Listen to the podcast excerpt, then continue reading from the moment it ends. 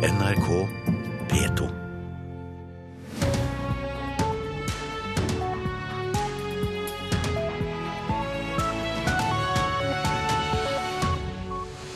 Jeg syns jo at Det er enighet med Iran om alle de viktige punktene i en atomavtale, sier Russland, men ifølge USA er det ikke full enighet.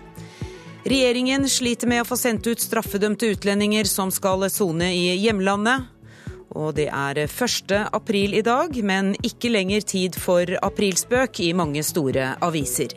jeg syns jo at uh, aprilspøken er grei og hyggelig og, og småløgn tradisjon, men, uh, men i, på våre flere og flere flater så egner den seg dårlig. Klokka er 6.30. Velkommen til Nyhetsmorgen. Jeg heter Kari Ørstavik, og dette er altså noe av det jeg har å by på i denne første halvtimen. Russlands utenriksminister Sergej Lavrov sier det er enighet med Iran om alle de viktige punktene i en atomavtale. Men en amerikansk talsmann sier at det ikke er full enighet, og at forhandlingene fortsetter.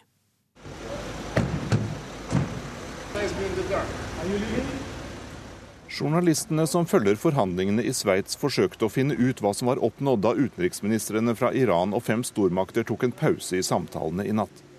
Den russiske utenriksministeren Sergej Lavrov sier til nyhetsbyrået Reuters at det er oppnådd enighet med Iran på alle de viktige punktene i en atomavtale. Det skal omfatte inspeksjoner av atomanlegg og opphevelse av straffetiltak som har rammet Iran hardt. Nå skal ekspertene gå løs på de tekniske detaljene, og dermed er en endelig avtale i slutten av juni innen rekkevidde, sier Lavrov. De iranske representantene er også positive. Uh, we have accomplished quite a bit. Rest. Vi har oppnådd ganske mye, og i løpet av onsdagen er vi forhåpentligvis i gang med å skrive et avtaleutkast, sier den iranske utenriksministeren Mohammed Javad Zarif. Men de vestlige landene er ikke like optimistiske som Russlands og Irans utenriksministre. En amerikansk talsmann sier at det ennå ikke er full enighet om alle punktene i en atomavtale, og at forhandlingene skal fortsette. I Washington møtte president Barack Obama i natt Det nasjonale sikkerhetsrådet for å drøfte den siste utviklingen i atomforhandlingene. Reporter var Jan Espen Kruse. Regjeringen har som mål at flere kriminelle utlendinger skal sone straffen i hjemlandet, men hittil i år er bare åtte straffedømte personer overført til fengsel i sitt eget land. For hele 2014 var tallet 38, færre enn året før. Vi syns ikke utviklinga innenfor soningsoverføring har vært god nok, verken i fjor eller starten i år. Og Det holder vi et kontinuerlig fokus på, og her er det en jobb som må gjøres. Det sier statssekretær Vidar Brein-Karlsen i Justisdepartementet. Landene som mottok flest av sine egne straffedømte i fjor, var Litauen og Romania. For det første er det viktig for å vise eh, til de at det er ikke bare å komme hit og gjøre kriminalitet, og så få sone i det som for mange er veldig OK forhold. Det frigjør dessuten plasser i overfylte norske fengsler. Målet er altså at flest mulig skal sone i hjemlandet. Et mål den blå regjeringen deler med de rød-grønne før dem, men sliter med å nå. Tungrodd byråkrati er én forklaring. Vi har store problemer med å få ned saksbehandlingstida på et akseptabelt nivå i de mottakerlandene som vi samarbeider med. Men også på norsk side må vi bli mer effektive, sier Brein-Karlsen. Fremskrittspartiet har vært kritiske til tidligere regjeringers arbeid med dette. Er det vanskeligere å få til enn dere trodde? Jeg kunne ha tenkt meg til at det her skulle gå mye raskere. Og vi har vært veldig opptatt av denne problemstillinga lenge, og vi er fortsatt svært opptatt av det. Potensialet for soningsoverføringer er anslått til opptil 100 per år. Regjeringen har tilbudt flere land, som Polen, Romania og Litauen, å betale forsoningen der. En slik ordning er nå under utredning. Ja, Potensialet vil fortsatt være passelig begrensa så lenge vi har et frist på at det må være seks måneder gjenstående soning. Men det er klart, hadde vi fått på plass en sånn løsning, så, så kunne antallet ha gått mye fortere opp. Dette er ting vi nevner for våre samarbeidspartnere hver gang vi snakker med dem.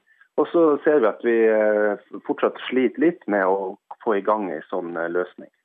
Ja, det sa statssekretær i Justisdepartementet Vidar Brein Karlsen. Reporter var Katrin Hellesnes.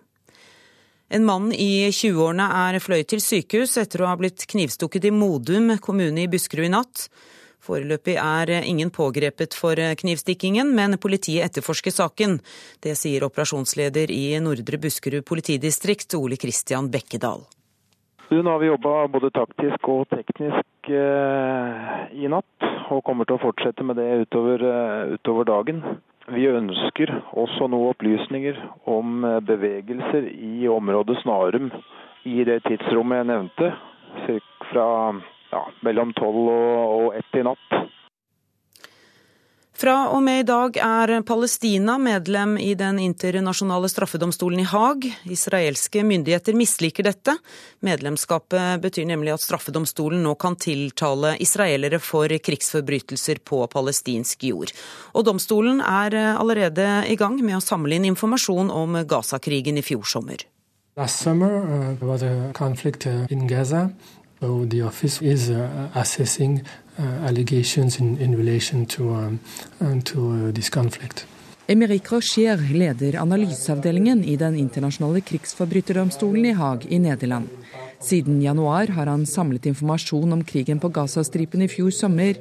Forundersøkelsen er første skritt for å finne ut om det er noen grunn til å etterforske enkeltpersoner for krigsforbrytelser. We are still at the, at the beginning of the process. Obviously, we would uh, welcome the cooperation of, uh, of, Israel. We believe that Israel has uh, information that could be relevant for the prelim examination. Vi er helt i starten, men vi tror at Israel har opplysninger som kan være interessante for oss, sier han. Men det er opp til israelerne, som ikke er med i domstolen, om de vil samarbeide.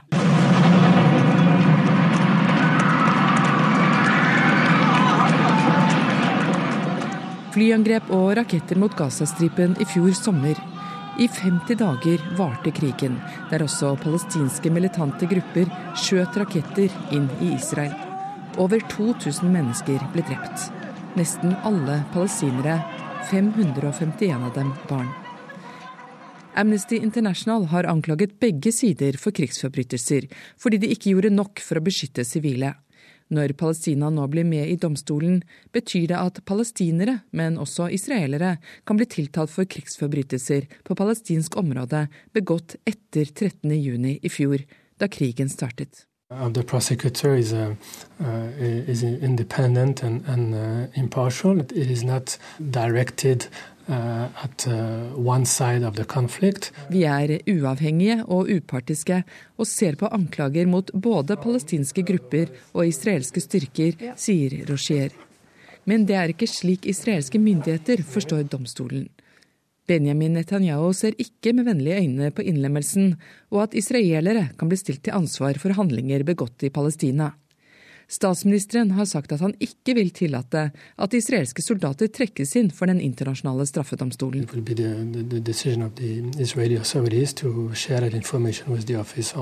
Uansett er Palestina fra og med i dag domstolens 123. medlem, en tilslutning som gjør at straffedomstolen kan etterforske israelere for krigsforbrytelser i de okkuperte områdene, også ved fremtidige krigshandlinger. They can potentially be investigated by the ICC.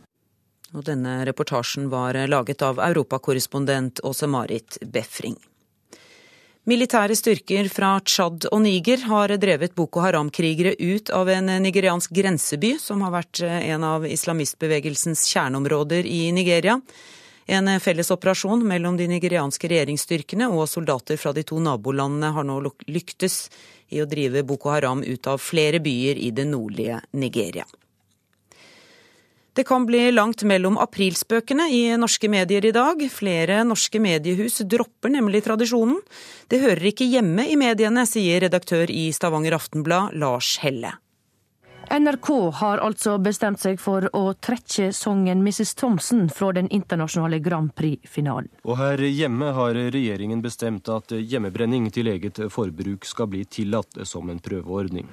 Flyet fra Amsterdam via København er nettopp landet. Og eh, blant passasjerene var en ikke ukjent Beatle, John Lennon, og hans japansk-fødte hustru Yoko Ono. John Lennon landa på Fornebu, hjemmebrent ble tillatt, og NRK trakk tilbake Norges bidrag til Melodi Grand Prix. Utrolig og absolutt ikke sant. Slik kunne aprilspøken signert Statskanalen høres ut. Regjeringa har vedtatt at det skal innføres en ekstra arbeidsdag her i landet for å tilføre staten mer penger etter det sterke fallet i oljeprisene i det siste. Vitser av denne typen kommer vi trolig til å få lite av i dag, for flere av mediehusene NRK har vært i kontakt med, planlegger ingen aprilspøk i år. Verken Dagbladet, VG, Aftenposten eller TV 2 skal ha aprilspøk, mens P4 er et av få store mediehus som kommer til å lure sine lyttere. Jeg syns jo at uh, aprilspøken er grei og hyggelig og, og småløgn tradisjon, men, uh, men i, på våre flere og flere flater så egner han seg dårlig. Sier redaktør i Stavanger Aftenblad, Lars Helle. Hans avis har ingen planer om å narre sine lesere. Redaktørkollega i Bergens Tidende, Gard Steiro, mener tradisjonen med aprilspøka må være lov. Jeg syns det er en fin, helt grei relativt ufarlig tradisjon. Jeg tror faren for at disse svekker eh, avisens troverdighet, er, eh, er, relativt liten. Det vi har sett, er jo at eh, leserne engasjerer seg i dette. Vi får begynne å få inn forslag til aprilspøker like over jul. Og også, de, også like etterpå så får vi jo masse positive reaksjoner på dette. Og for eh, ordens skyld, heller ikke NRKs nyhetsredaksjon har aprilsnarr i dag. Det blir debatt om dette i Kulturnytt klokka åtte. Reporter var Runa Rød.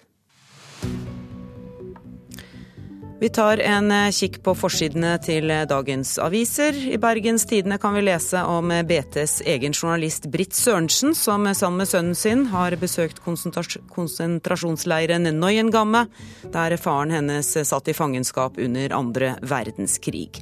Min far fortalte mye fra tiden i tysk konsentrasjonsleir, forteller hun, men den groveste torturen nevnte han aldri med et ord. Selv Høyre-folk velger WeRack, skriver Stavanger Aftenblad på forsiden, om at mange Høyre-velgere foretrekker Arbeiderpartiets Stanley WeRack som ordfører. Aftenposten skriver om 23 år gamle Sebastian Plur Nilsen, som er en av ytterst få som eh, har vært angrepet av isbjørn og kommet levende fra det. Isbjørnen gaper, tar tak rundt hodet mitt og drar meg ut av teltet, sier Nilsen om hendelsen som skjedde sommeren 2010. Kongens ville flukt kan vi lese om i Dagsavisen i dag. 9. april er det 75 år siden Tysklands invasjon av Norge. Ingen visste hvor kongen var, lånte sjåførens frakk og lue og nesten arrestert i Sverige. Det er en thriller fra virkeligheten, skriver avisa. På VGs forside står det om sex og samliv-Ingunn som har testet dating på nettet. Min jakt på kjærligheten, sier Ingunn. Dagbladet skriver om tidligere leder ved seksjon for volds- og seksualforbrytelser i Oslo politidistrikt, Hanne Kristin Rode, som fikk kjeft for å gripe inn i en 25 år gammel overgrepssak. Nå er én dømt og én pastor siktet. Derfor hater vi nye IT-løsninger, står det på forsiden av Dagens Næringsliv. Det dreier seg om datasystemene som får norske arbeidstakere til å klikke. Milliarder av kroner er tastet bort på norske IT-systemer, skriver avisa og arbeidstakere overlever med passord på huskelapper. I Adresseavisen handler det om fjellflørt. På forsiden ser vi et par som har funnet kjærligheten på fjellet. Og Norge er versting i antibiotikabruk, er Nasjonens forside i dag. Og Nordlys skriver om Erik Otto som ble dratt ut i siste øyeblikk, og selv små skråninger kan være dødsfeller i påskefjellet, skriver avisa.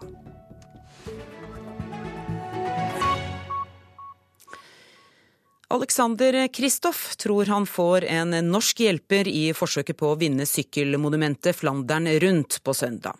I går vant Kristoff første etappe i det belgiske tredagersrittet De Panne, med god hjelp av lagkamerat og sykkellaget Katusha og norske Sven Erik Bystrøm. Men Bystrøm selv er avventende. Jeg er nok fortsatt eh, reserve. Jeg har ikke fått noe beskjed helt, eh, helt ennå. Så Jeg forventer å se. Men den strålende kjøringa Sven Erik Bystrøm viste for Katusha under det panne i går, gjør lagets store stjerne klar i sin tale. Jeg tror fort at han ikke er reserve lenger etter i dag. Alexander Kristoff har hatt en formidabel start på sesongen. I går tok han sin sjette seier, og vi har ikke kommet lenger enn 1. april. Men det er på søndag det virkelig gjelder. Det blir mye hardere, og jeg må nok ha en kanondag hvis jeg skal klare å vinne. Og skal Kristoff klare å vinne Flandern rundt, ja da trenger han all den hjelpen han kan få. Og i går ble det klart at det er mye god hjelp i en 23 år gammel gutt fra Haugesund. Han tilfører sjøstyrke, det gjør han. Og han er, jeg husker han på førsteårsproff, så, så jeg var ikke i nærheten av å kunne gjøre det samme når jeg var førsteårsproff, så han imponerte stort. Ja, jeg, hvis jeg kjører sånn som han har kjørt i dag, så har han lagt inn gode kort for å kjøre Flandern. Det var egentlig litt uh, gjennombrudd. Det, det føltes sånn. Det sier Bystrøm sjøl om gårsdagens etappe, og han er klar om han får beskjed om å sykle på søndag. Så kjører jeg selvfølgelig Flandern hvis jeg får beskjed om det, men, uh, men jeg ikke kjører Flandern, så det er ingen krise der. Og i dag fortsetter både Kristoff og Bystrøm tredagers depanne. Kristoff leder også rittet sammenlagt etter gårsdagens seier. Reporter her var Henrik Agledal. Du hører på Nyhetsmorgen i NRK P2 og Alltid nyheter. Klokka er 6.45. Dette er hovedsaker i nyhetene nå.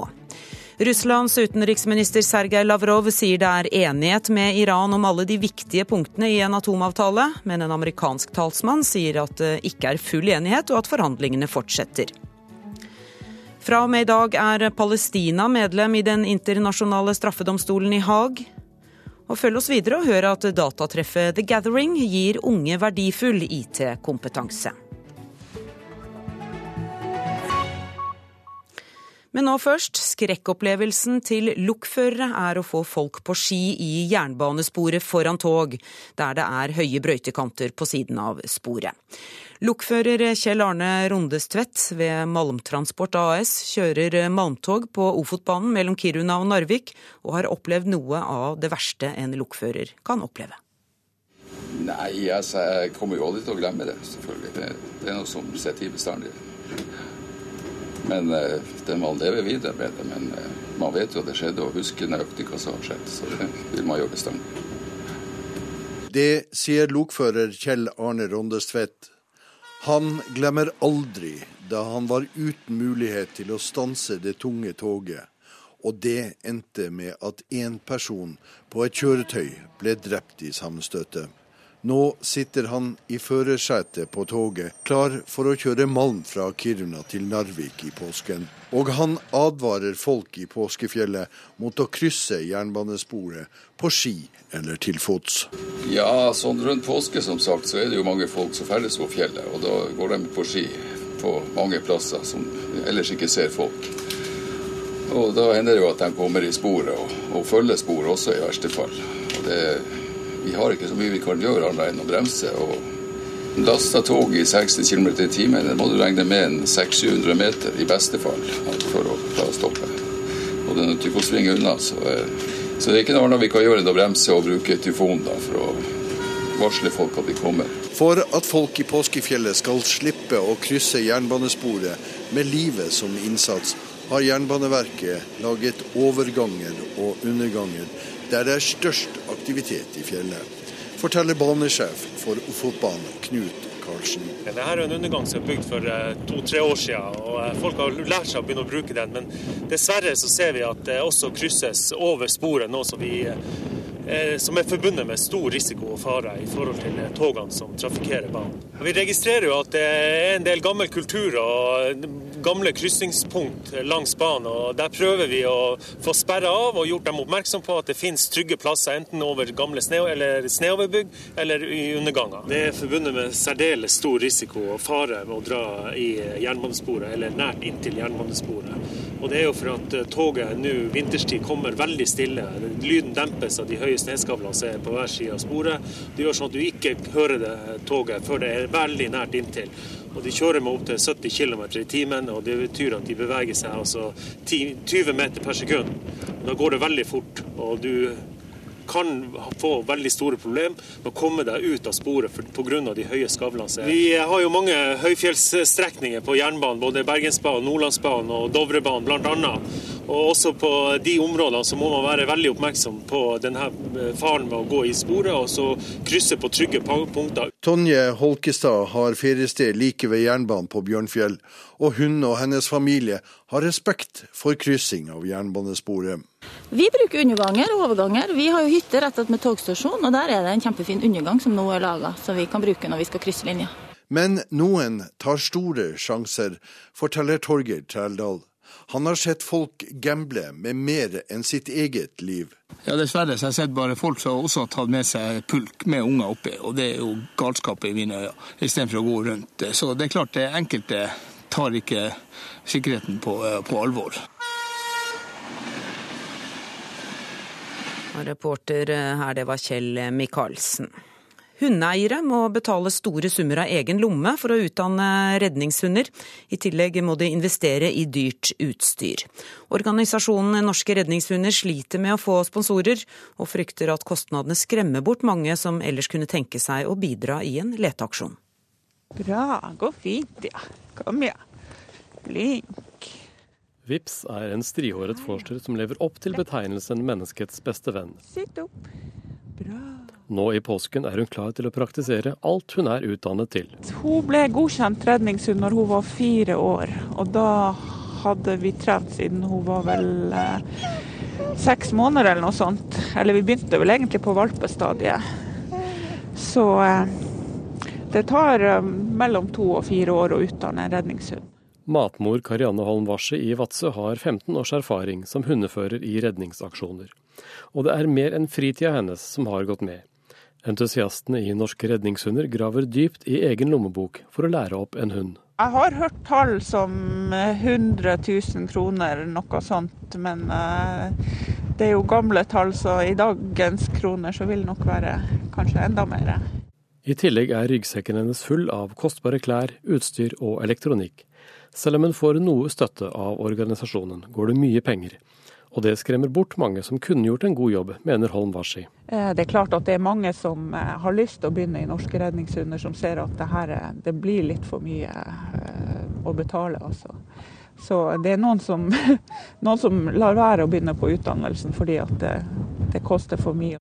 Også i nabofylket Troms sliter de med økonomien. Hundefører og instruktør Lisbeth Sørensen synes ikke det er riktig at hundeførerne selv må kjøpe ting som GPS og skredsøkere. Man bør jo kunne få det utstyret man trenger. Men næringslivet er svært tunge å be om støtte. Vi har spurt hos forsikringsselskaper og banker og firmaer i, eh, i, i Tromsø. Men vi får i hvert fall blankt avslag hver gang. Pengestøtte får de heller ikke hos politiet, som leder aksjonene når redningshundene blir tilkalt.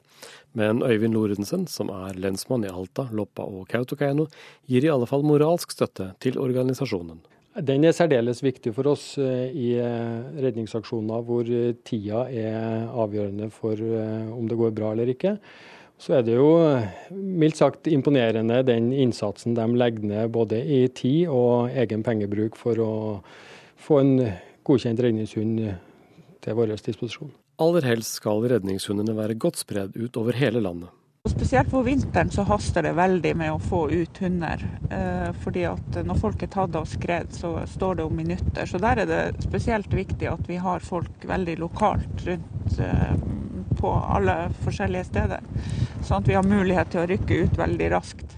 Hundene blir pensjonister i tiårsalderen, og dermed er det nesten alltid behov for nye. Kristian Larsen leder Distrikt Finnmark i Norske redningshunder. Sånn På landsbasis så ser vi at eh, det har vært en eh, nedgang i rekrutteringa på lavinehunder. Så det er noe som eh, også hele organisasjonen prøver å jobbe med. Å få utdanna flere lavineekvipasjer. For selv om du kanskje hører mest om dem i påsken, norske redningshunder skal alltid være beredt.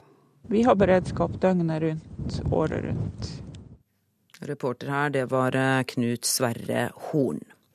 I dag starter datatreffet The Gathering i Vikingskipet på Hamar. Over 5000 ungdommer skal spille, leke og være sosiale i påskehelga.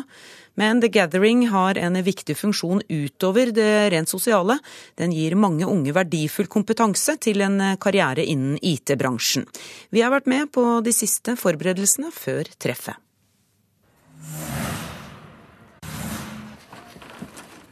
Under det mektige vikingskipets tak jobbes det på spreng for å fullføre forberedelsene til The Gathering, verdens nest største datatreff. Maskiner durer i hver en krok, Unge mennesker legger kabler og putter påskeegg og andre velkomstgaver oppi esker. Forberedelsene startet torsdag for en uke siden, og det er ikke rent lite arbeid som ligger bak et slikt arrangement, sier PR-ansvarlig Hoa Bin Nyen. Vi har gjort plass til 5000 eh, deltakere. Eh, alle sammen har bordplasser. Eh, totalt sett så har vi lagt mellom 12 til 15 mil med kabler vi regner med at vi skal ha opp mot 10 000, uh, 10 000, enheter som skal kobles opp mot nettverket vårt. Så det sier jo litt om det, den datamengden som skal gjennom hele dette nettverket her, og hvor mye, hvor mye arbeid som ligger bak det. I år kommer det spill- og dataglade deltakere helt fra land som USA og Australia. Men treffet handler ikke bare om å spille til de sene nattetimer og treffe likesinnede. Det kan også være en verdifull inngang til arbeidslivet. En av dem som har erfart det, er mangeårig deltaker Peter Blakstad. Nå jobber han som seksjonsleder i Evry, et av Nordens største IT-selskap. Og han sier at arbeidsgivere er svært opptatt av The Gathering-erfaringen. I de jobbintervjuene jeg har vært i, så har The Gathering vært et eh, attraktivt samtaletema hver eneste gang, og tar brorparten av eh, jobbintervjuene. Eh, slik at det er en helt klar stor verdi for meg å ha det på min CV. Han mener suksessen ligger i måten som The Gathering er strukturert. Eh, The Gathering er oppbygd sånn at eh, du har muligheten til å flytte på deg internt i, i crew, dersom du selv er motivert for det, for å lære noe nytt eh, hvert eneste år. Og lærecrewen er veldig bratt her, slik at man kan tilegne seg veldig mye kompetanse ved å være crew her, og har dermed mye realkompetanse når man kommer ut i jobbmarkedet etter hvert. Og det er ikke bare arbeidsgivere som ser på The Gathering-deltakere som interessante. Simon McCallum, som leder bachelorprogrammet i spillutvikling ved Høgskolen i Gjøvik, sier at han ser på arrangementet som en unik mulighet til å komme i kontakt med unge, kreative mennesker han ønsker seg til studiet. The gathering is, an excellent place um, for a wide range of, people to meet. It's not just the sort of 15 or 16 year old gamers who turn up. And for us, it's um, a fantastic recruiting location because these are the the kind of leaders in gaming in their communities. These are the people who think about games, who live games. And um, yeah, those are the people I'm interested in talking to. Men til syvende og sist er The Gathering som en ekte festival å regne. Beat-tung musikk runger allerede over anlegget. Og skal man tro Peter Blakstad, som fortsatt kommer hvert eneste år, kan de 5000 deltakerne glede seg til følgende. Partyfaktor og høy stemning, rett og slett. Det er eh, ikke noe å kunne sammenligne det med andre typer treff. I hvert fall her har du en stemning som er helt unik. Og vår reporter på Hamar var Knut Øyvind Hagen. Vi tar en kikk på været og varselet som gjelder til midnatt. Fjellet i Sør-Norge. Nordvestlig liten kuling utsatte steder. Sør for Haukeli periodevis sterk kuling. I kveld minkende. Enkelte snøbyger vesentlig i vestlige områder, og det er varslet perioder med sol. Østlandet og Telemark oppholdsvær og perioder med sol. I ettermiddag utrygt for enkelte snøbyger på Østlandet.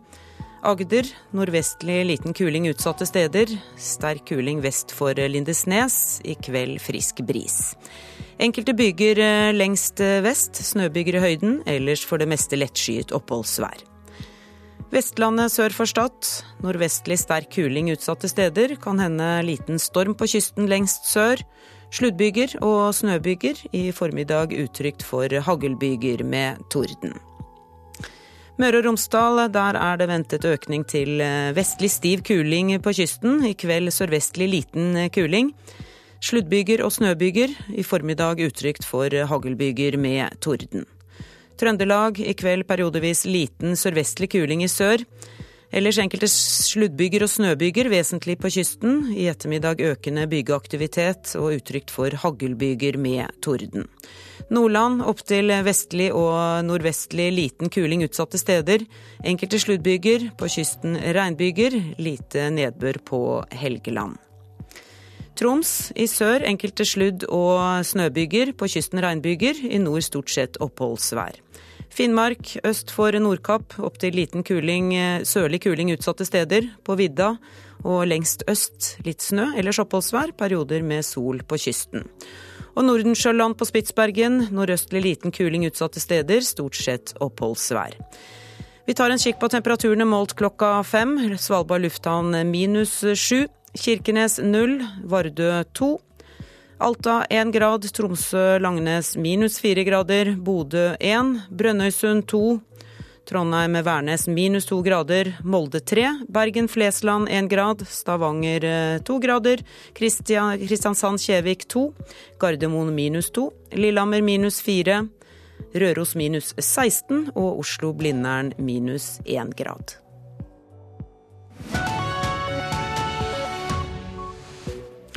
Nyhetsmorgen fortsetter på P2 og i Alltid nyheter, og vi har disse sakene. I redsel for å miste jobben er det flere nordmenn i krevende yrker som ikke tør å søke behandling for psykiske plager, sier Mental Helse.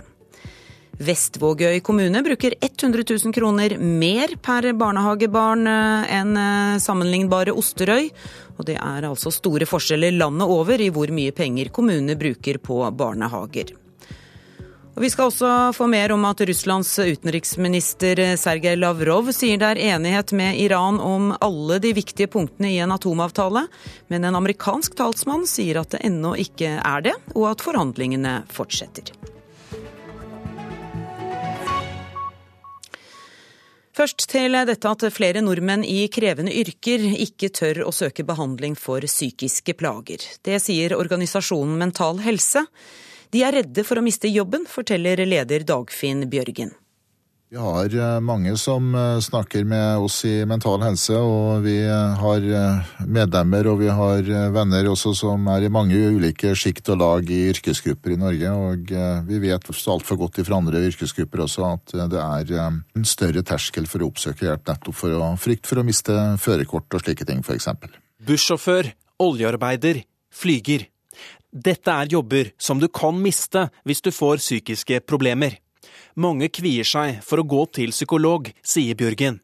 Det er et kjent problem at også flygere lar vanskelige problemer ligge i frykt for å miste jobben, sier sjefslege i Luftfartstilsynet, Trond Eirik Strand. Vi har ikke egne tall som kan fortelle oss noe om omfanget av psykisk helse, men eh, vi har generelt en underrapportering fra piloter på alle typer medisinske tilstander, deriblant psykiske og psykiatriske lidelser. Etter flytragedien i Alpene har det kommet fram at flygeren som styrtet flyet, tidligere hadde hatt selvmordstanker og var blitt behandlet for alvorlig depresjon. Dagfinn Bjørgen i Mental Helse frykter at denne saken kan føre til økt stigmatisering av folk som sliter psykisk. En av de stigmaene som vi får her, er jo eh, en av de verste. At man eh, får en kobling mellom psykisk sykdom og det å gjøre eh, grufulle handlinger hvor man dreper mange andre. Og de aller fleste de kommer jo seg ut av en depresjon uten at det får slike følger. Når man er da f.eks. pilot, så har man jo ansvaret for veldig mange mennesker. Det er vel ingen menneskerett til å være pilot. Burde man ikke da akseptere at man bør tre til side dersom man har psykiske problemer? Det er ikke slik at psykiske problemer er lik at man er farlig for andre. Eh, og det er eh, som sagt veldig få som er det. Og det må være en menneskerett å ha en jobb som alle andre, selv om en har eh, psykiske helseutfordringer. Og hvis en flyger blir deprimert, er det mulig å beholde jobben med riktig oppfølging, sier Strand. Det å ha psykiske plager, eh, hvis en pilot melder fra om det, så vil han måtte gjennomgå nærmere undersøkelser. Og da vil det inkludere eh, vurdering av psykolog eller psykiater før en endelig vurdering blir tatt på om vedkommende kan fortsette. Men når det er sagt, så er det slik at eh, det er lov å bli syk også for piloter, og det er høyde for det eh, i regelverket. Men blir man syk, så, så, krever det litt ekstra. Og så kan det hende at man følges litt tettere opp eller får begrensninger i, sitt flysertifikat eh, fremover. Reporter var eh, Haldor Asvald. Det kan høres rart ut at en kommune bruker over 100 000 kroner mer på en barnehageplass enn en sammenlignbar kommune, men det viser ferske KOSTRA-tall. Osterøy kommune i Hordaland er en av de kommunene som bruker aller minst per plass. En av grunnene er jo rett og slett det at vi ikke har hatt mer penger. Det sier ordfører Kari Foseid Åkre fra Ap, og legger til. Men eh, det betyr jo ikke at vi ikke har en forsvarlig og god barnehagedrift. De bruker 134 000 kroner per plass. I ti år har de stått på Robek-lista, som betyr at de må få godkjenning fra Kommunaldepartementet hvis de skal ta opp lån, og budsjettvedtak i kommunen må kontrolleres. Ordføreren sier de driver barnehagene så de får stordriftsfordeler. Så vi har flereavdelingsbarnehager overalt. Vi ligger i henhold til alle krav, men eh, vi har ikke noe slekk i forhold til eh, bemanning. Eh, det er stramt i barnehagene som ellers i kommunen. Det er litt overraskende sånn sett at det er så stor forskjell i forhold til kostnader til, per barnehageplass. Det sier ordfører i Vestvågøy kommune, Jonny Finstad fra Høyre. De tilhører samme KOSTRA-gruppe som Osterøy, en mellomstor kommune med middels bundne kostnader per innbygger og middels frie disponible inntekter. De står også på Robek-lista, men bruker 102 000 kroner mer enn Osterøy per barnehageplass. Vi ønsker selvfølgelig ikke å bruke mer penger enn det som er nødvendig. Vi har mange eh, kommunale velferdsoppgaver vi skal løse innenfor de samme summene. Vi spurte forsker Trond Erik Lunder ved Telemarksforskning hvorfor kommunene bruker så forskjellige summer. Det kan være kommunens inntekt, det kan være eh, bemanningsnivået som kommunen har valgt. Det kan være andelen barn som har behov for særlig tilrettelegging. Han vil ikke si at de kommunene som bruker minst har dårligere barnehager, men Kommuner som bruker lite penger på, på barnehager, kunne fått en bedre kvalitet om de brukte mer. Og hvis ordføreren på Osterøy hadde hatt mer penger, ville hun. Barnehagene er en av de plassene der vi absolutt har mye å hente på å bemanne opp igjen. Mens Finstad på Vestvågøy ikke skjønner helt hvorfor de bruker 100 000 kroner mer per plass og foreslår en felles minstestøtte fra staten til barnehagene i alle kommuner. Det kunne vært interessant å forsøke en nasjonal minstenorm.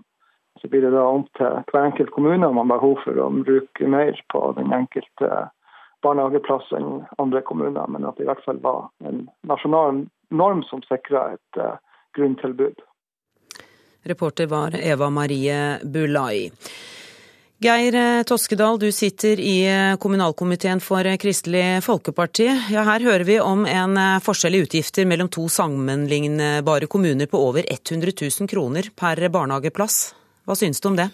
Ja, det var, det var overraskende stor forskjell. Det hadde jeg ikke trodd. Og som forskeren sier her, det må være flere årsaker som som spiller inn, og som drar i, i, ulik retning, siden differansen kan bli så stor. Og dette er noe vi ønsker å se nærmere på. Og Jeg sitter jo i kommunalkomiteen, og med ansvar for kommuneøkonomien så jo et, var jo dette en veldig interessant sak. Ordføreren i Vestvågøy foreslår en nasjonal minstenorm for statsstøtte. Hva mener Kristelig Folkeparti om det? Ja, du vet, Etter 2004 så ble de fleste øremerka tilskudd fjerna. Det var fordi at kommunene skulle få større frihet til å prioritere og, og mer lokalt ansvar for hva de ville bruke pengene på. Eh, jeg er nok redd for at et sånt minstebeløp eller en minstenorm lett kan føre til at eh, det blir en slags eh, At det kan bli et lavere kvalitetsnivå. Eh, så det er jeg litt skeptisk til, og det vil jo være i strid med vår tanke om å heve kvaliteten i barnehagene. Som det ene ordføreren sa her, så er det jo veldig viktig å satse på disse. Satse på disse små. Det er tidlig innsats med, med stor voksenkontakt. kontakt. det, det gir gode barnehager. Du nevnte dette med øremerkede tilskudd. Er øremerkede tilskudd til barnehagedrift i kommunene veien å gå?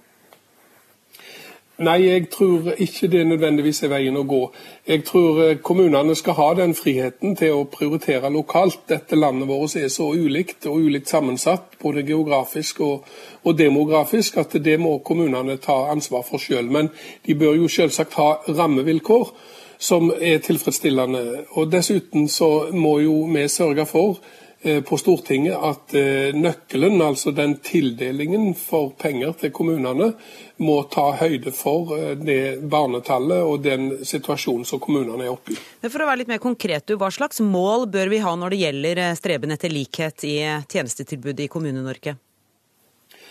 Vi må jo sørge for at barnehagene har høyest mulig kvalitet. Det er jo vanskelig å sette opp opp mål, fordi at landet er veldig forskjellig og vilkårene er ulike. Men kvaliteten, den pedagogiske kvaliteten er jo avhengig av hvor mange voksne der er. Stor tetthet med voksne som kan ha eh, ansvar for barn, og at det pedagogiske opplegget er, fulgt. Og Sånn sett så bør det gå an å lage eh, eh normer. og Det er jo allerede gode normer for dette. Så Det går det an å, å, å, se nærmere på. Men det er jo vanskelig å sammenligne mellom kommunene. Men, men noen klare, forskjellen... noen klare tiltak for å unngå at forskjellene mellom barnehagene blir enda større, må man i hvert fall eh, sette i sving. Takk for at du var med oss i Nyhetsmorgen, Geir Toskedal. Du hører på Nyhetsmorgen. Klokken er, klokka er 7.12, og dette er hovedsakene nå. Flere nordmenn i krevende yrker tør ikke søke behandling for psykiske plager fordi de er redde for å miste jobben, ifølge organisasjonen Mental Helse. Det er store forskjeller landet over i hvor mye penger kommunene bruker på barnehager, som vi hørte. Og følg oss videre. Det har vært en dramatisk økning i antall dødsdommer globalt det siste året, men færre mennesker er blitt henrettet. Nå til Russlands utenriksminister Sergej Lavrov, som sier det er enighet med Iran om alle de viktige punktene i en atomavtale. Men en amerikansk talsmann sier at det er det ikke ennå, og at forhandlingene fortsetter.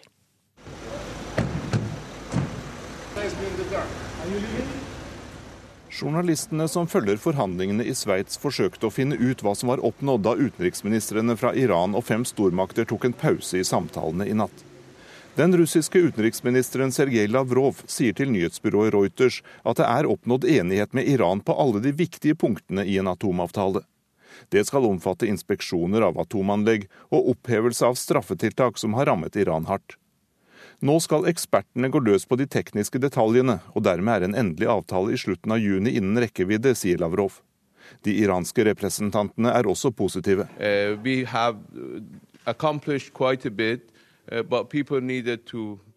vi har oppnådd ganske mye, og i løpet av onsdagen er vi forhåpentligvis i gang med å skrive et avtaleutkast, sier den iranske utenriksministeren Mohammed Javad Zarif.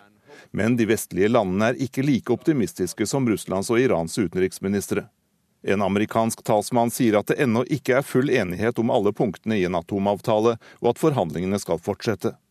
I Washington møtte president Barack Obama i natt Det nasjonale sikkerhetsrådet for å drøfte den siste utviklingen i atomforhandlingene. Og det sa reporter Jan Espen Kruse. Midtøsten-korrespondent Sigurd Falkenberg Mikkelsen, det kommer altså motstridende opplysninger om eh, hva som er oppnådd i forhandlingene med Iran. Hvem skal vi stole mest på, Russland eller USA? Altså, det er ikke så rart at det kommer motstridende opplysninger i innspurten her. Det er et uh, tett uh, drama med mye som står på spill for alle parter. Uh, når det gjelder de siste opplysningene som har kommet, så er det jo sånn at det er USA som er den drivende parten her. Det er de som vil ha det siste ordet i hvordan en avtale ser ut, mens de andre medlemmene av Sikkerhetsrådet spiller en mer sekundær rolle. Når det gjelder Lavrov, så dro jo han fra møtet på mandag med beskjed om at han ikke gadd å komme tilbake før en reell avtale var mulig. og han kom kom tilbake i går. Så Det går jo i positiv retning. og De signalene som kommer fra den iranske leiren er også positive.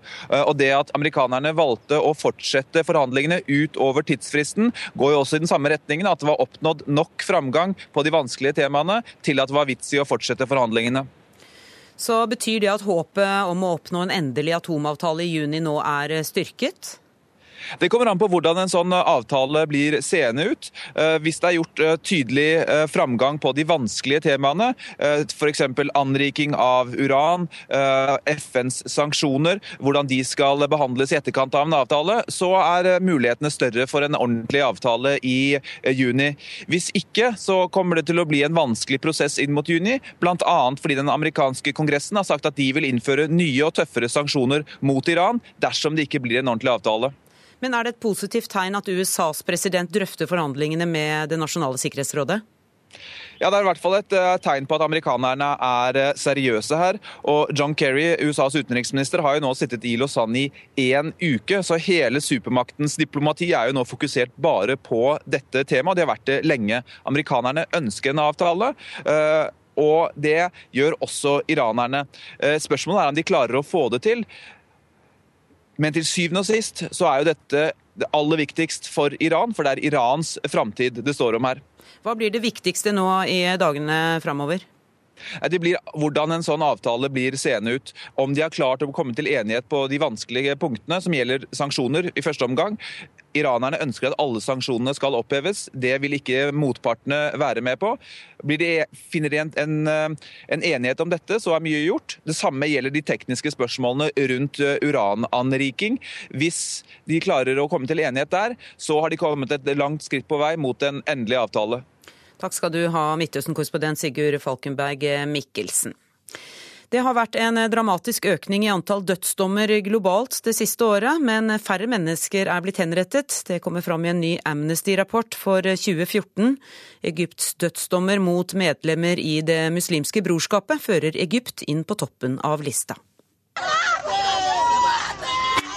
Fortvilte pårørende i Egypt får vite at deres kjære har fått en dødsdom. Landet dømte svært mange til døden i fjor i forbindelse med politiske oppgjør. På verdensbasis ble nærmere 2500 mennesker dømt til døden. Det er rundt 500 flere enn året før. Det er spesielt to land som har stått for de tallene, nemlig Egypt og Nigeria. Det forteller generalsekretæren i Amnesty, Jon Peder Egenes. Begge steder har vi sett masse dødsdommer, altså hvor opptil 200 mennesker har blitt dømt til døden i one go uten, uh, uten noen rettferdig rettergang. Så det er et ekstremt bekymringsverdig bilde. Flere fikk dødsdom, men færre ble faktisk henrettet. Verden over ble det rapportert om 607 henrettelser i 22 land. Da er ikke land som Kina, Vietnam og Nord-Korea regnet med.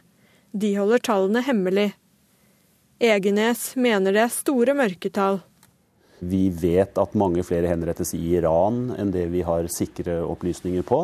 Så at det tallet på 607 som vi oppgir som det offisielle tallene for 2014, pluss at vi vet at Kina har henrettet mange, eh, det tror jeg faktisk kan fleredobles eh, hvis vi, hvis vi hadde fått tak i alle tallene.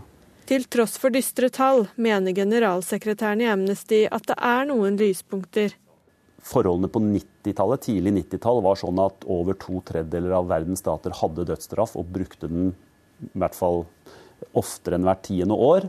Så er den situasjonen snudd på hodet at to tredjedeler av statene i verden har enten avskaffet dødsstraffen i lovverket, eller de har ikke henrettet noen på, på mer enn ti år.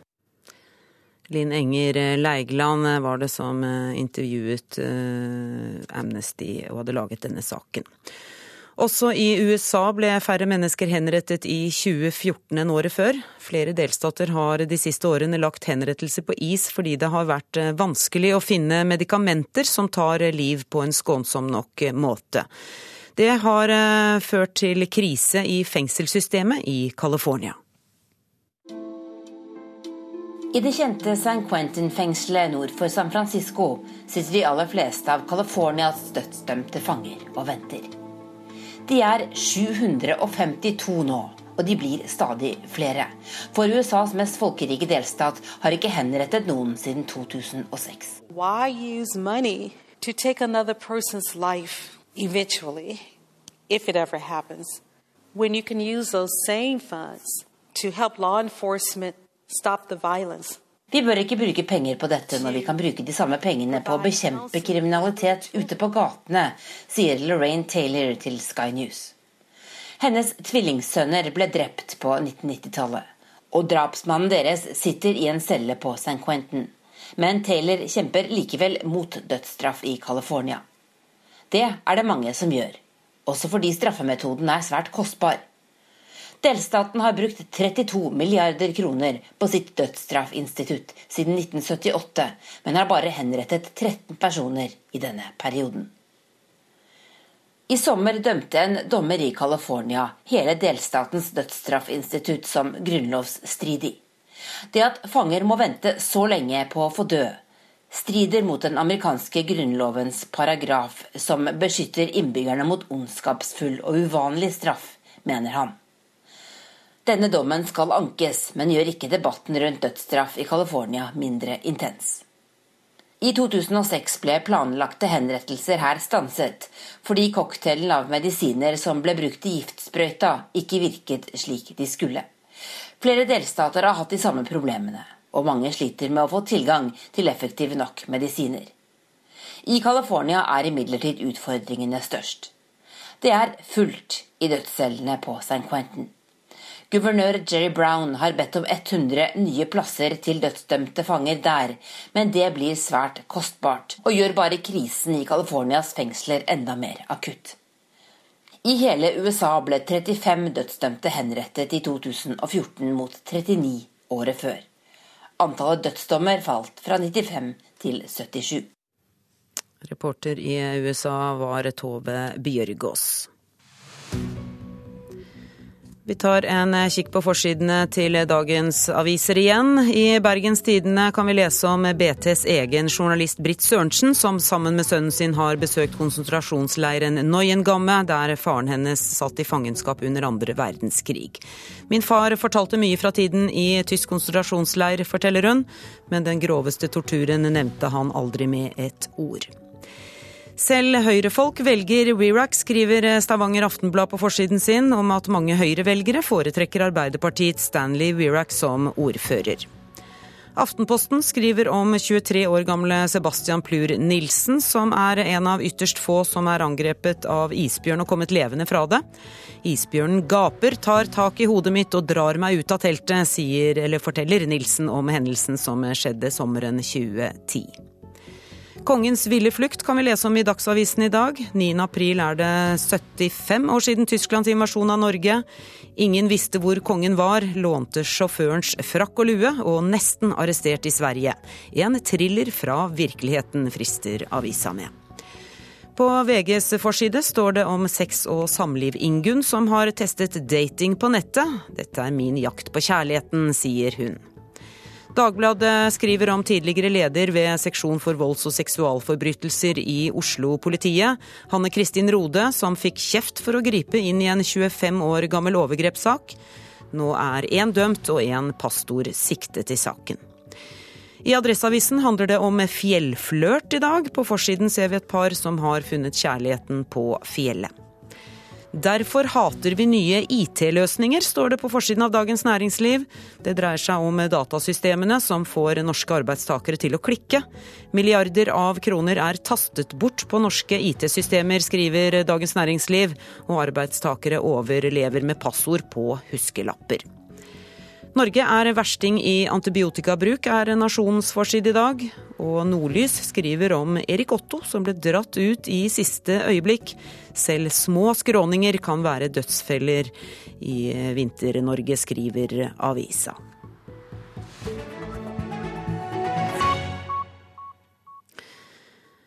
Det skal fortsatt handle om Vinter-Norge, eller Påske-Norge. Husk å ta med deg skiene når du skal gå av toget på vei til fjells.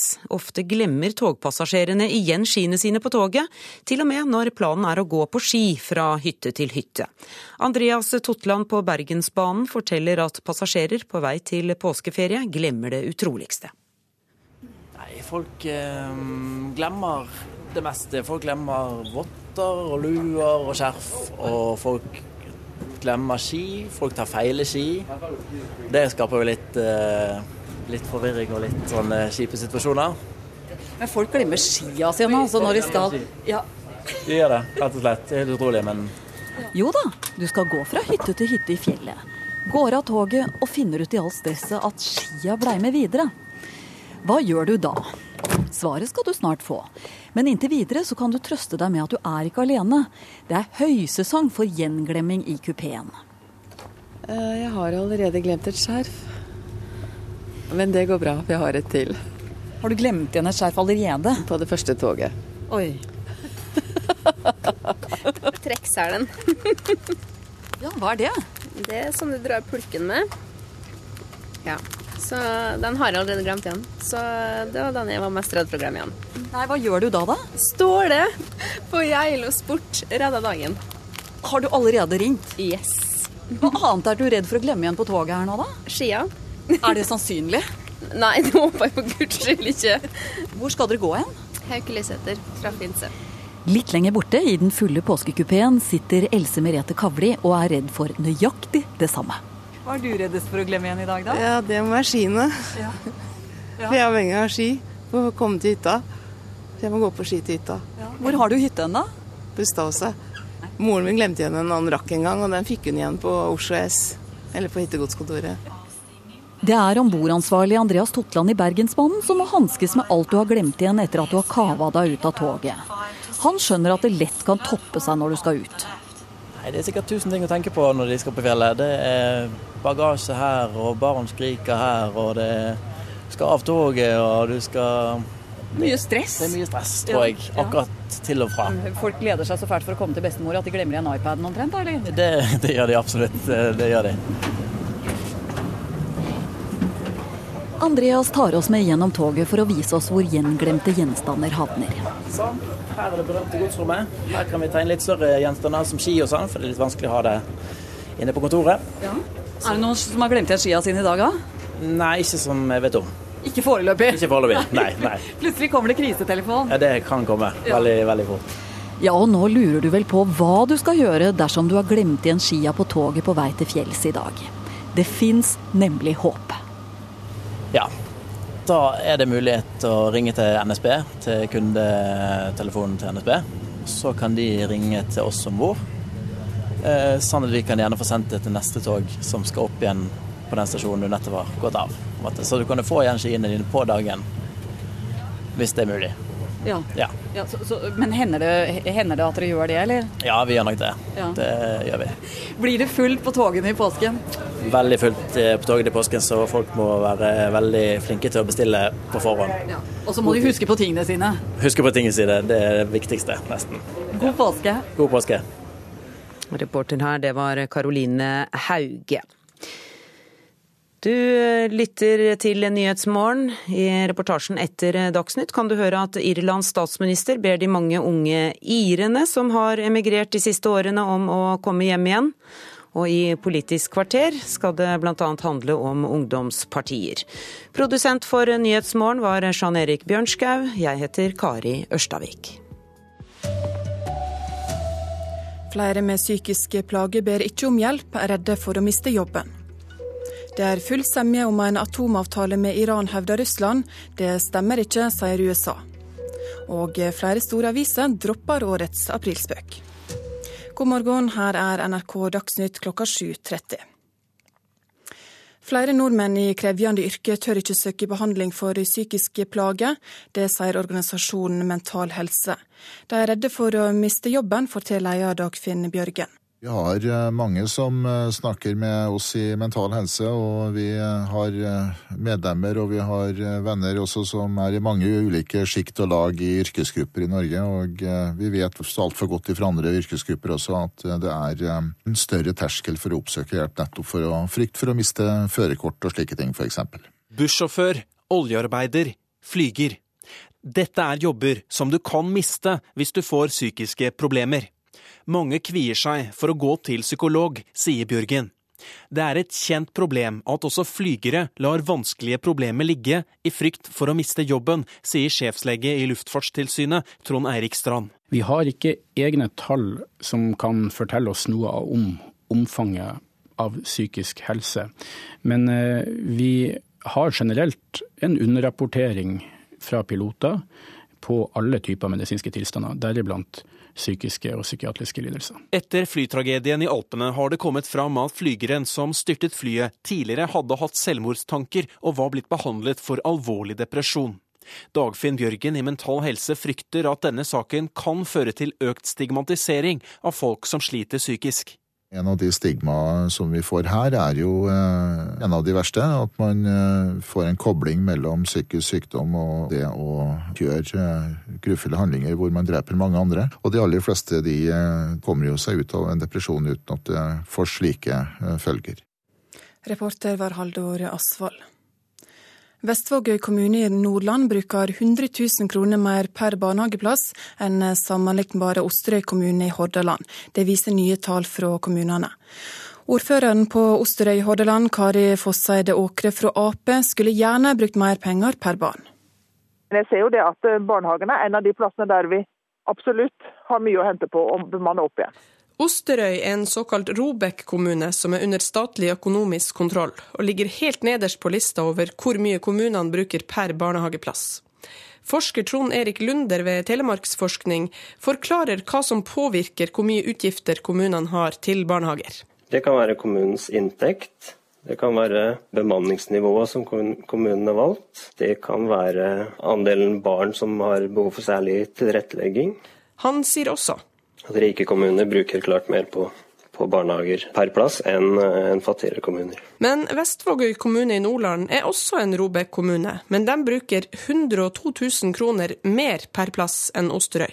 Det er litt overraskende sånn sett at det er så stor uh, forskjell. Det sier ordfører Jonny Finstad fra Høyre. For å utjevne forskjellene mener han regjeringa bør innføre en minstesats for hvor stort tilskudd kommunene skal få til barnehage kunne vært interessant å forsøke en nasjonal minstenorm. Så blir det da om til hver enkelt kommune om man har behov for å bruke mer på den enkelte barnehageplass enn andre kommuner, men at det i hvert fall var en nasjonal norm som sikra et uh, grunntilbud. Og Lunder i Telemarksforskning er ikke i tvil om at også kvaliteten påvirkes av ulik pengebruk. De store forskjellene som vi ser, betyr nok at det er store kvalitetsforskjeller også. Reporter var Eva Marie Bulai. Russlands utenriksminister Sergej Lavrov sier det er semje med Iran om alle de viktige punktene i en atomavtale. Men en amerikansk talsmann sier at det ennå ikke er det, og at forhandlingene holder fram, selv om fristen gikk ut ved midnatt. Midtøsten-korrespondent Sigurd Falkenberg Mikkelsen, hvem skal bli tro på? Det at det er, eh, kommer motstridende signaler fra Lausanne, er ikke så rart. Dette er en dramatisk innspurt på forhandlinger som har vart i tolv år, og det står enormt mye på spill for alle parter her. Sergej Vlavrov, Russlands utenriksminister, var helt tydelig på at han ikke ville være der hvis ikke det var en reell mulighet for en avtale, så det går jo i positiv retning. Og det er også positivt at amerikanerne har valgt å bli værende og ikke dratt hjem. Eh, forhandlingene ble, skulle egentlig vært avsluttet ved midnatt. Det er de ikke, de fortsetter. Eh, og Signalene fra den iranske leiren er også positive. De sier at eh, de vil antagelig komme i gang med å skrive en avtale i løpet av dagen. Så får vi se om det holder stikk eller ikke. Hva er det som står på spill? Det er både Midtøstens eh, framtid her, men først og fremst å løse et akutt sikkerhetsproblem eh, knyttet til Irans eh, atomprogram. Eh, og det står jo også på spill Irans integrering i verdenssamfunnet. De har vært på sidelinjen av verdenssamfunnet siden den islamske revolusjonen i 1979, så det er historisk sus over forhandlingene som nå foregår i Lausanne i Sveits.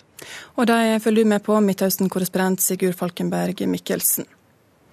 Det har vært en dramatisk oppgang i tallet på dødsdommer verden over det siste året, men færre blir avretta. Det kommer fram i en rapport fra Amnesty. Egypts harde hånd mot muslimske brorskapet fører de inn på toppen av lista. Det er spesielt to land som har stått for de tallene, nemlig Egypt og Nigeria. Det forteller generalsekretæren i Amnesty, Jon Peder Egenes. Begge steder har vi sett masse dødsdommer, altså hvor opptil 200 mennesker har blitt dømt til døden i one go uten, uh, uten noen rettferdig rettergang. Så det er et ekstremt bekymringsverdig bilde. Reporter Linn Enger Leigland. Regjeringa har som mål at flere kriminelle utlendinger skal sone straffene i heimlandet. Men hittil i år er bare åtte straffedømte personer overført fra Norge til fengsel i landet de kommer fra. For hele 2014 var tallet 38. Det er færre enn året før. Vi syns ikke utviklinga innenfor soningsoverføring har vært god nok, verken i fjor eller starten i år. Og Det holder vi et kontinuerlig fokus på, og her er det en jobb som må gjøres. Det sier statssekretær Vidar Brein-Karlsen i Justisdepartementet. Landene som mottok flest av sine egne straffedømte i fjor, var Litauen og Romania. For det første er det viktig for å vise eh, til de at det er ikke bare å komme hit og gjøre kriminalitet, og så få sone i det som for mange er veldig OK forhold. Det frigjør dessuten plasser i overfylte norske fengsler. Målet er altså at flest mulig skal sone i hjemlandet. Et mål den blå regjeringen deler med de rød-grønne før dem, men sliter med å nå.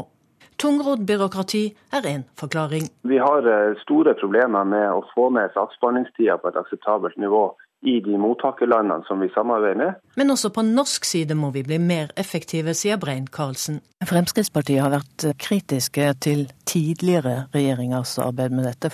Er det vanskeligere å få til enn dere trodde? Jeg kunne ha tenkt meg til at det her skulle gå mye raskere. Og vi har vært veldig opptatt av denne problemstillinga lenge, og vi er fortsatt svært opptatt av det. Reporter Katrin Hellesnes. En mann i 20-åra ble flyttet til sykehus etter å ha blitt knivstykken i Modum kommune i Buskerud i natt. Ingen er pågrepne, men saka blir etterforska. Det sier operasjonsleder Ole Kristian Bekkedal i Nordre Buskerud politidistrikt. Nå har vi jobba både taktisk og teknisk eh, i natt, og kommer til å fortsette med det utover, uh, utover dagen. Vi ønsker også noen opplysninger om eh, bevegelser i området Snarum i det tidsrommet jeg nevnte, fra ja, mellom tolv og ett i natt. Det er 1. Eh, april, men det kan bli langt mellom aprilspøkene i norske medier i dag. Flere dropper nemlig tradisjonen. Den hører ikke hjemme der, sier redaktør i Stavanger Aftenblad, Lars Helle. Og her hjemme har regjeringen bestemt at hjemmebrenning til eget forbruk skal bli tillatt som en prøveordning. Vitser av denne typen kommer vi trolig til å få lite av i dag, for flere av mediehusene NRK har vært i kontakt med, planlegger ingen aprilspøk i år. Verken Dagbladet, VG, Aftenposten eller TV 2 skal ha aprilspøk, mens P4 er et av få store mediehus som kommer til å lure sine lyttere. Jeg syns jo at uh, aprilspøken er grei og hyggelig og, og småløgn tradisjon, men, uh, men i, på våre flere og flere flater så egner han seg dårlig.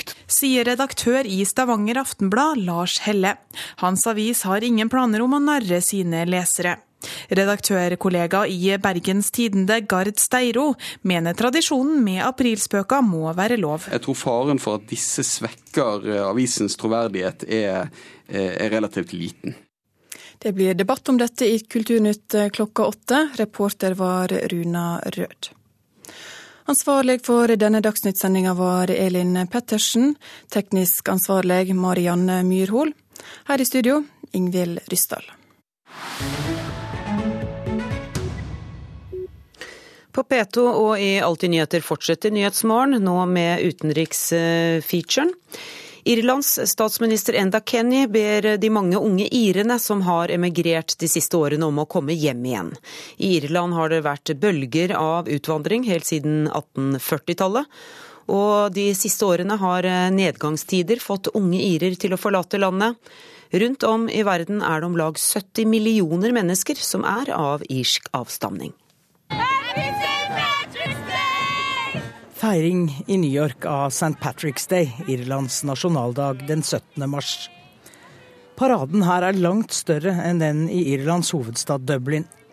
Så er det da også nesten 35 millioner amerikanere som kaller seg irsk-amerikanere. Det er sju ganger så mange som det er irrer i Irland. Ifølge siste folketelling er det mellom 4,5 og 5 millioner mennesker i republikken Irland, det som også kalles Eire. Irsk-amerikanerne har satt sitt preg på USA. I New York har f.eks. mange i politikorpset irske røtter. En av dem er Frankie, som alltid feirer St. Patrick's Day, til tross for at han er tredje generasjons innvandrer.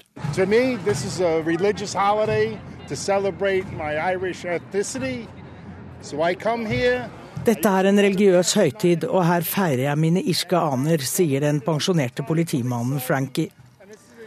Og dagen feires med tradisjonelle irske instrumenter, såkalte Elan pipes, som er en irsk variant av sekkepipen, og med trommer. Allerede på 1840-tallet begynte irene å utvandre til USA. Det var den gangen potetavlingene slo feil og hungersnøden var enorm. Siden har det vært nye bølger med utvandring i dårlige tider. På 1950-tallet, 1980-tallet og fra finanskrisen i 2008 til nå. Nå vil Irlands statsminister Enda Kenny ha de unge irene hjem igjen. Det sa han i en TV-tale nylig.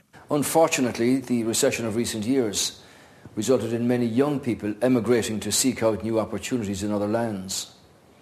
This represents a huge loss. De siste årenes nedgangstider har fått folk til å søke arbeid andre steder.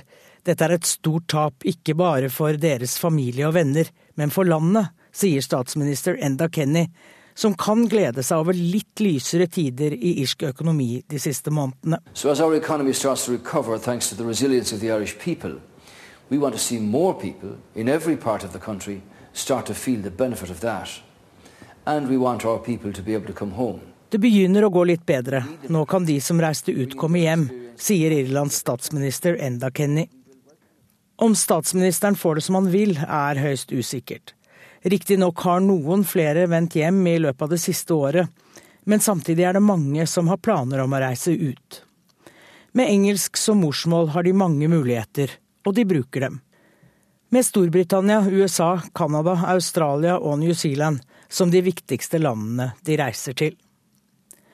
En undersøkelse som ble offentliggjort for noen uker siden, viste at 90% av landets medisinerstudenter lurer på om de skal emigrere når de er ferdige med studiene.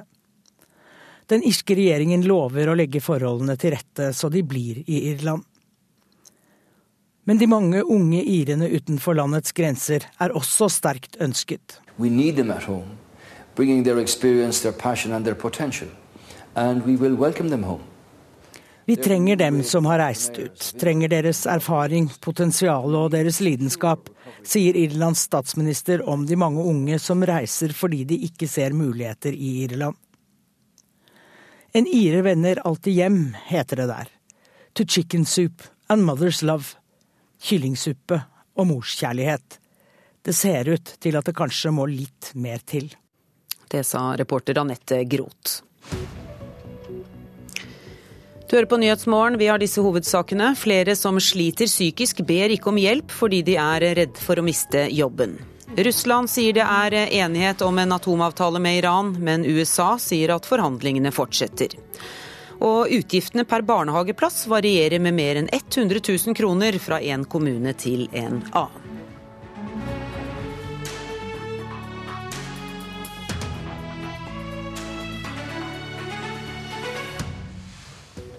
Asylbarna er ikke Erna Solberg sitt største problem i påsken, mener min første gjest. Det har dukket opp noe annet, en gammel kjenning.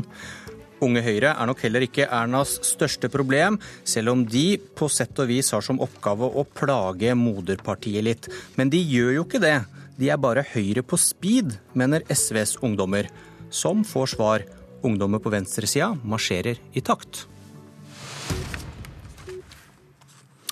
Vi begynner med noen som ikke gjør det. Det er problemer innad i Høyre og Frp, også kjent som regjeringen. Fridtjof Jacobsen, kommentator i Verdens Gang, velkommen til Politisk kvarter. Takk. I dag skriver du om Ernas påskenøtter, og skal vi tro deg, begge to burde man sett på mils avstand lenge før påske? Ja, eh, man veit jo at påskenøttene kommer, da. Det, er jo en ting med påsken. Men det er eh, to saker som, eh, som, henger, tror jeg, med statsministeren på påskeferie. Eh, den ene kunne nok vært løst før påskeferien, den andre er mer grunnleggende.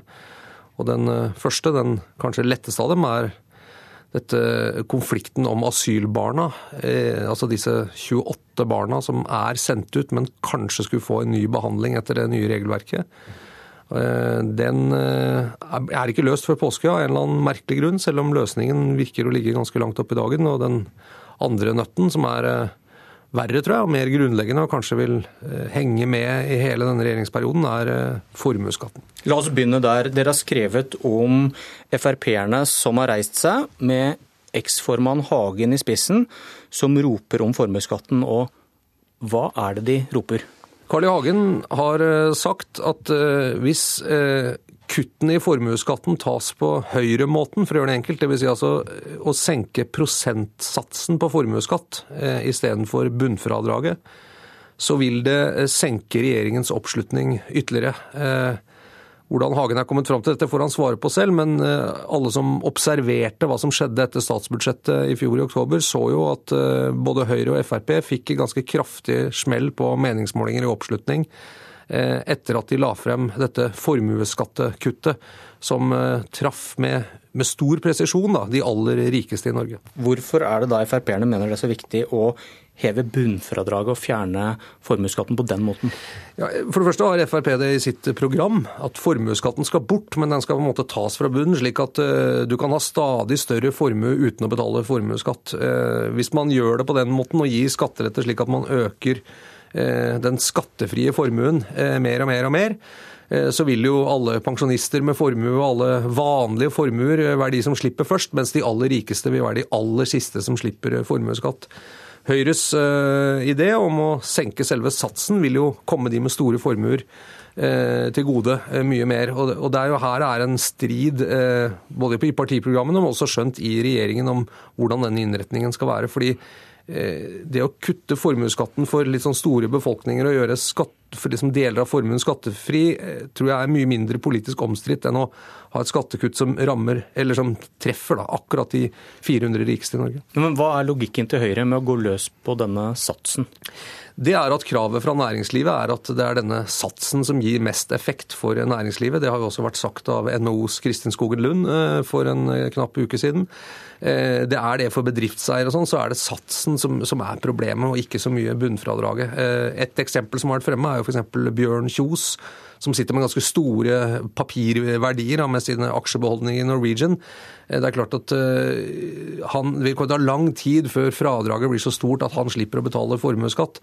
Eh, men hvis man senker satsen, så vil jo hans skatteregning bli ganske mye lavere med en gang. I sum så blir jo resultatet til slutt, hvis man avskaffer formuesskatten, akkurat det samme. Det er bare litt hvem som skal få først, og hvem som skal få i siste omgang. Denne skattedebatten er verre enn asylbarnkonflikten, mener du? Forklar.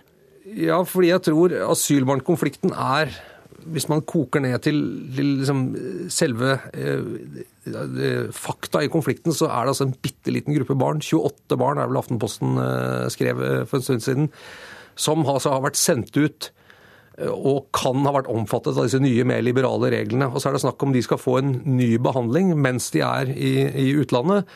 Og kanskje noen av de da skal få lov til å komme hjem til Norge. Eh, men det blir jo sannsynligvis ikke alle 28. Det er en ganske liten sak eh, som berører ganske få mennesker. Det er en del symbolverdier her, og sånn, men, men, men saken i seg selv har ganske liten innvirkning på det norske samfunnet en eh, skattedebatt eh, som gjør at eh, Norges rikeste mennesker vil få betydelig mindre personbeskatning, den har så stor symbolsk effekt. Og den blir tydeligvis så negativt oppfattet hos velgerne at den er mye mer politisk farlig. Og, og da mener jeg at Høyre, som også har samtidig et mål om å f.eks.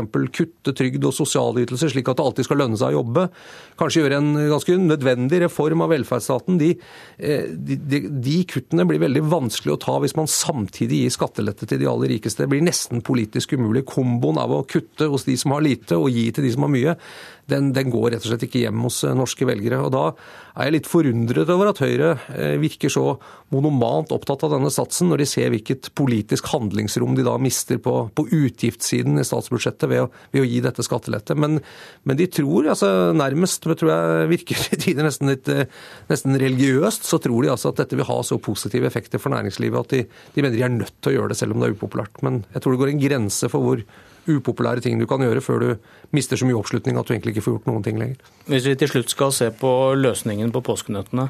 Ehm, du, du sa noe om at i asylbarnsaken så mente du at løsningen nesten lå der. Hva, hva, hva ligger i det? Ja, det er jo én ting som ikke går opp helt i denne asylbarnsaken. og det er at KrF har stilt et ultimatum om at hvis ikke denne gruppen barn får en ny behandling, så vil de bryte samarbeidsavtalen og gå ut av dette forpliktende samarbeidet med regjeringen. Eh, så har Justisdepartementet for eh, fredag for eh, nå nesten to uker siden lagt ut en pressemelding der det står svart på hvitt at også barn som er sendt ut skal kunne omfattes av de nye reglene og den nye behandlingen.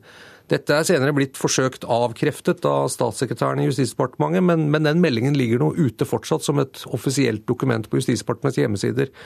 Og Mitt inntrykk er at hvis de står ved det, så er KrF fornøyd så virker det som at det har blitt et eller annet rot, kanskje rundt FrPs stortingsgruppe, med denne fremgangsmåten.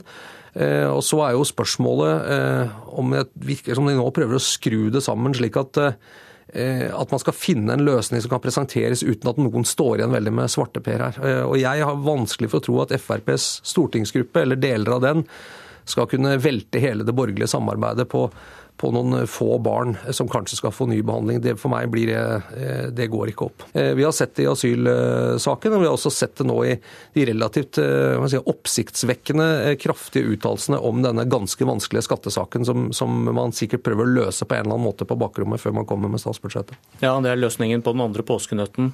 Kutte i bunnfradrag eller i satsen, eller begge deler. Hva, hva tror du?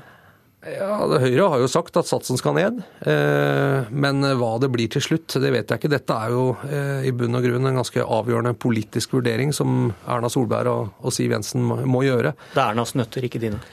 Nei, mine nøtter er eh, ikke så store som Ernas, heldigvis, eller kanskje dessverre.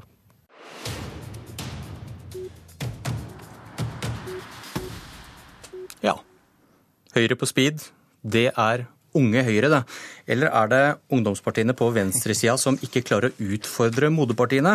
I påsken kan du følge med på NRK Ytring, der ungdomspartiene utfordrer sine partier. Så kan du kanskje gjøre deg opp en mening om hvem av mine to nye gjester som har rett. Leder i Unge Høyre, Christian Tonning Riise. På hvilken måte mener du at takhøyden er større blant ungdomspartiene på høyresiden? Jeg opplever jo at vi har en eh, større kultur for en sånn intern offentlig uenighet på høyresiden enn vi har på, på venstresiden. Og jeg mener jo at uh, En grunn til at f.eks. Minerva-miljøet har eh, fungert såpass bra som det, som det har gjort, fordi det er, en, det er veldig naturlig at man hele tiden har disse offentlige diskusjonene om, om viktige veivalg, om avgjørende saker på høyresiden, mens venstresiden kanskje er tuftet litt mer på, på en litt sånn kollektivistisk kultur, hvor man tar de interne stridighetene på kammerset, så skal man eh, liksom marsjere i, i takt etterpå. Så er dette litt sånn stiliserte eksempler. Ja, har, har, har, du noen, har, du noen, gode konkrete eksempler på saker som viser dette her? Nei, jeg syns jo at f.eks. at vi ser, eh, ser mye mindre at ungdomspartiene på venstresiden er ute og utfordrer moderpartiene sine i, eh, i saker. Det gjelder kanskje særlig Eh, særlig AUF, men også venstresiden eh, generelt. syns jeg vi ser mindre av det. Og jeg syns at eh, partiene på, på, borgerlig side oftere er ute. Skry, skryt av deg selv, da. Få et konkret eksempel på hvordan Nei, du har utfordra Noe av det første jeg var ute med etter jeg ble valgt som unge Høyre-leder, var at jeg gikk imot Høyre på både kontantstøtte og på, og på tiggeforbudet, hvor vi sa nei til både lokale og nasjonale tiggeforbud. Jeg har, vært, har vel vært i nå to, to kronikkutvekslinger og to TV-debatter med Bent Høie om eh, disse standardiserte snuspakningene, hvor vi har vært veldig klare på at vi har vært uenig i det.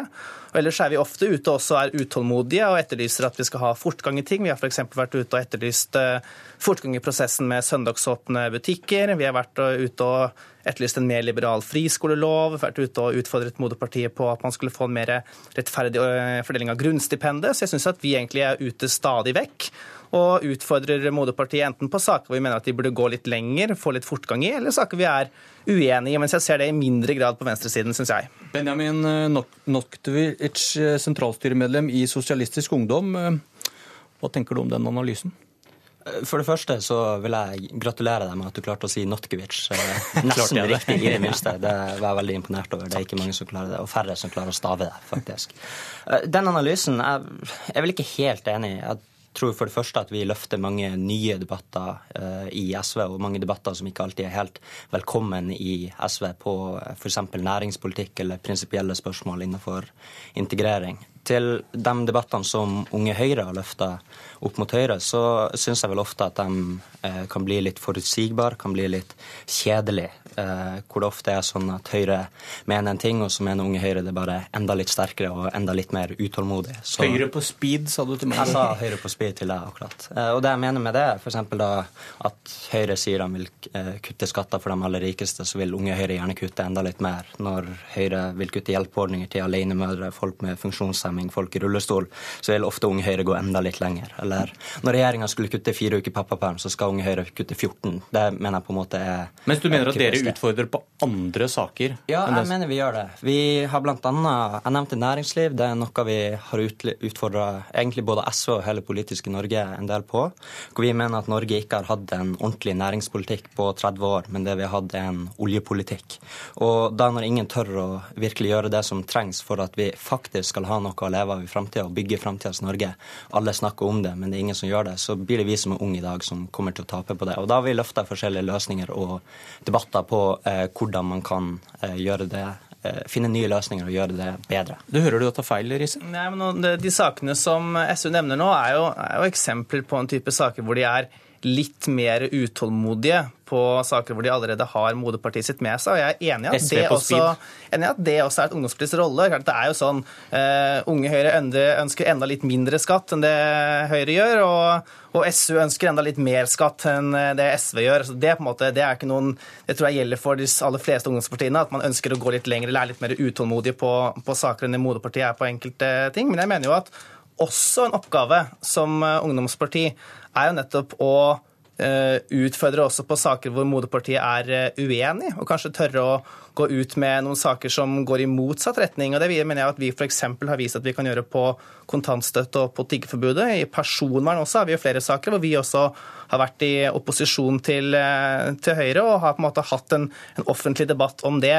Og jeg synes at Det synes jeg vi har en ganske stor takhøyde for på høyresiden. og Jeg opplever det ingen på en måte, jeg får ikke noe kjeft internt når jeg er ute og er uenig med, kanskje til og med diametralt uenig med, med noen i, i, mitt moderparti på enkelte saker. og Jeg syns jeg ser deg mye sjeldnere på venstresiden.